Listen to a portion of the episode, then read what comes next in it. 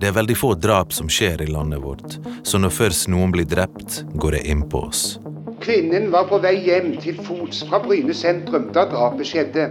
Politiet i eh, Gudbrandsdalen slår drapsalarm.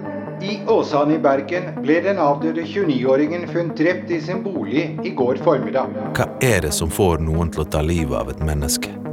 Og hva er det som avslører gjerningspersonen? I denne podkasten følger vi sporene til de som dreper. Typisk ved drap da, er at stikk eh, blir påført mot bryst. Vi skal ta for oss drapssaker i Norge og snakke med etterforskere, krimteknikerne, rettsmedisinere og psykologer for å gi oss svaret på hvordan disse ble oppklart. Er det noe som sto henne nær? Altså Er det noen i nær familie, kjærlighetsrelasjon, den type ting? Eller er det noen ukjente? Drap er ofte endestasjonen på en tidligere dyssosial eller antisosial måte å være på. Når man kommer fram til et åsted, så skal vi ha det som heter eh, henda i lommen-taktikk. Det er jo ikke én rettsmedisiner som gjør alt.